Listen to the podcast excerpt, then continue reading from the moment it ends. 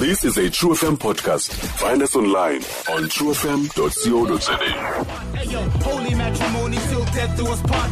I'm married to the microphone, we never apart. He said I want you. Legend meets another legend. Trusenz. Prince D on True FM like no one else. Beautiful music. This is the Urban Exchange. Thank you very much. And as I promised you that I'm gonna be talking to the King of the Eastern Cape. I'm gonna be talking to um, the two-star general, man. Uh, when this cat speak, we listen because of the work that he has done. Today you have groups like Intloko Zenyonka because of the movement and the platform that he said. Uh, people were able to meet and get this lomfutho into odibeneyo esiphilisayo namhlanje nangomso. Trusenz. What's up, son? Yeah, team. What is born? What's happening? What's happening, my G? Yeah, man. Yeah, man.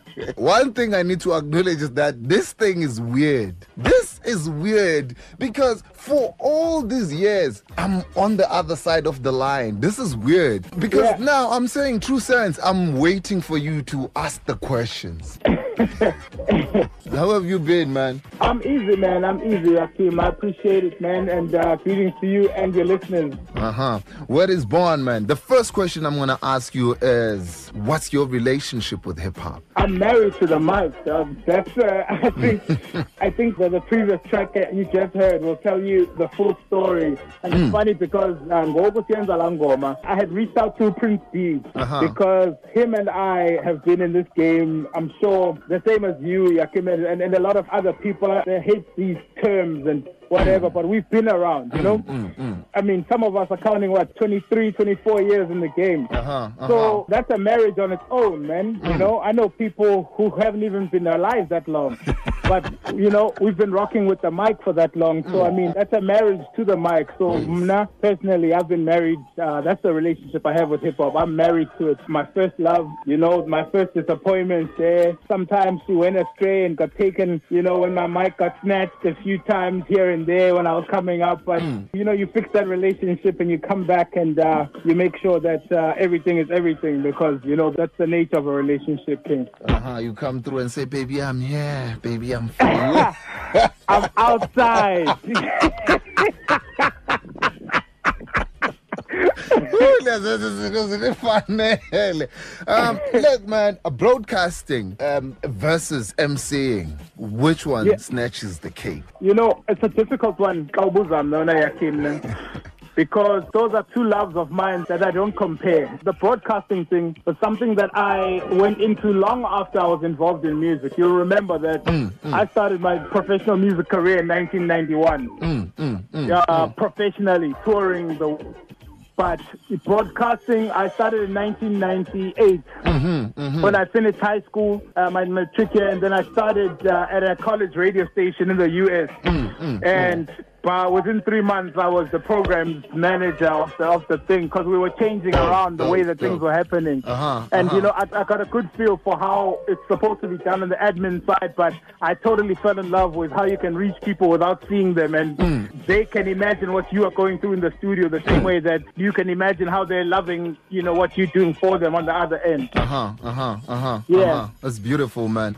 Um, look, as we grow, um, we have different generations. Whether it be like on a societal level, uh, kubakho Yes. ezaa zinto uba eh, lo mculo udlalwa zezintwana we had a better sound thina ngexesha lethu um, or we did things better than this generation and and, Yeah. and, and so forth. So when we talking about the hip hop community, what sort of an intergenerational uh, um, relationship that that should exist, corner there? Look, um, Yakim, in the 90s, Kurtis Blow and them were, were saying how whack mm. this gangster rap is, or, or, or this or, or the boom bap is, you know, mm. that of the 90s. Mm. In the 70s, when hip hop started, you know, Yeah. your Grandmaster Caz and all of them surely were dissing the people who were rapping in the 80s. Not dissing them personally, but their era was always the most relevant era to them because they grew up in that era. But that being said, you can't not listen to new music with a new ear. Uh-huh, if you can, uh-huh. if you can adjust, uh, if you can listen to what's happening now, mm. and in order for you to enjoy the culture, you need to understand what's happening with the culture. Mm, mm. Um, nobody owns this culture.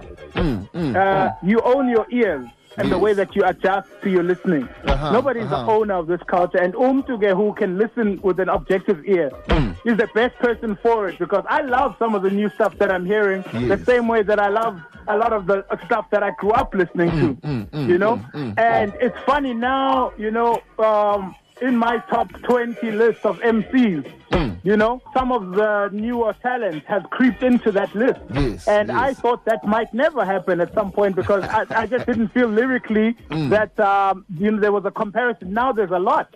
I, I I think there's a shift globally uh, when it comes to lyricism. You find that lyricism is just creeping back. And this is the beauty of it. You know, there's a movement uh, I started um, called Make Hip Hop Lyrical Again. And that was something that I decided to do when we went to Back to the City last year. Uh-huh. And it, it caught on. I just put it on a t shirt initially just as, a, as something to make people think. And eventually it became a movement where, you know, people were challenging me to, to write about certain things and, you know, the social commentary is into because initially they just saw it as a t shirt. But when they think about it, hmm, that's it's my, that was my screaming out to the to the world is like, guys, if we can make America great and and vote for Trump, hmm. which is not great at all, you know, surely we can make hip hop lyrical again because hmm. That would be great, you know. Uh-huh, uh-huh. Nothing is impossible. Look, man, and you've been in the driving seat and the leader in the province for so many years. Um, Yes, sir. You've been here tackling different issues when it comes to how we are moving as the province.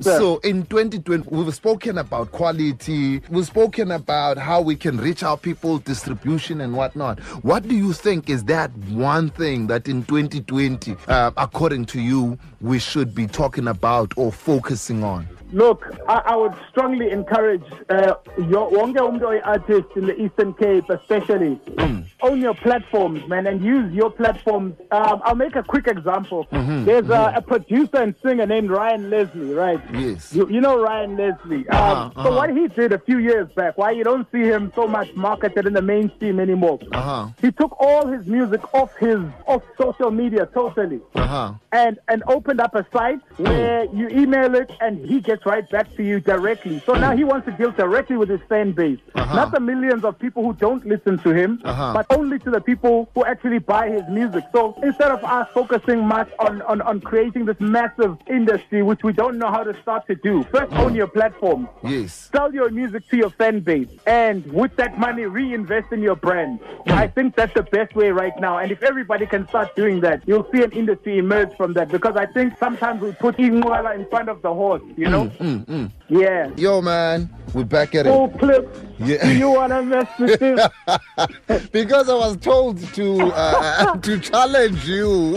One of the Uh, yes. People want you want to hear you rap. Okay, I can hear you. Yeah, yeah. Can can you hear the beat though? Okay, okay, okay. So I can drop something. I can Uh-huh. always drop something. Think of it in a you more on a grimy, grimy set. You know, we have Huh? that era. I'm saying we have that grimy era as well, and you come from it, so you can kill it. No doubt, no doubt, no doubt. Let me get you. Let me get you. Yo, yo, yo, yo, y'all team. I'ma just say drop it free. It's Uh-huh. two cents on the TRUFMCs. It's ABC. That's the alphabet show. If these cats wanna see me, then they can let go. I get the echo. It's ripping in my earphones and can't see the style. That's why these cats for the dead phones. I know it's edited. Yo, it's a predicate telling me niggas couldn't see the style that daring me. I rip the mic with your team on the heat. Yeah, Yo, yeah. sorry, man. I can't.